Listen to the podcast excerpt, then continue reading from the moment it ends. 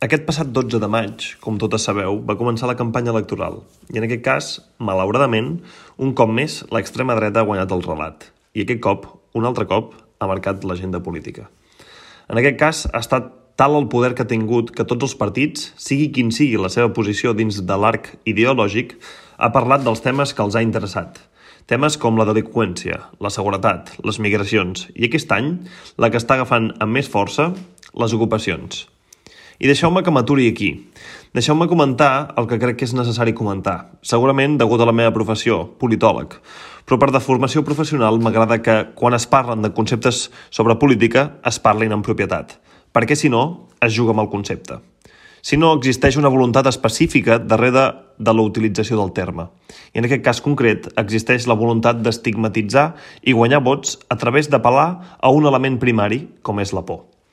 Estimades amics i amigues de Ràdio Capital, és evident que tothom pot tenir el seu posicionament sobre les ocupacions, només faltaria.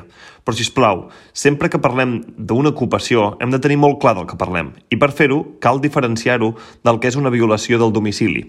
Aquestes dues accions són tipus penals molt diferents. Una ocupació es produeix quan l'espai es troba en desús. En canvi, una violació de domicili consisteix en la invasió del lloc de residència. Repeteixo, un cop definits els conceptes i haver-los diferenciats, tothom pot aplicar el criteri de justícia que li sembli millor, ja sigui el de la propietat privada o el, del, o el de primar el sostre digne per davant de la prèviament esmentada.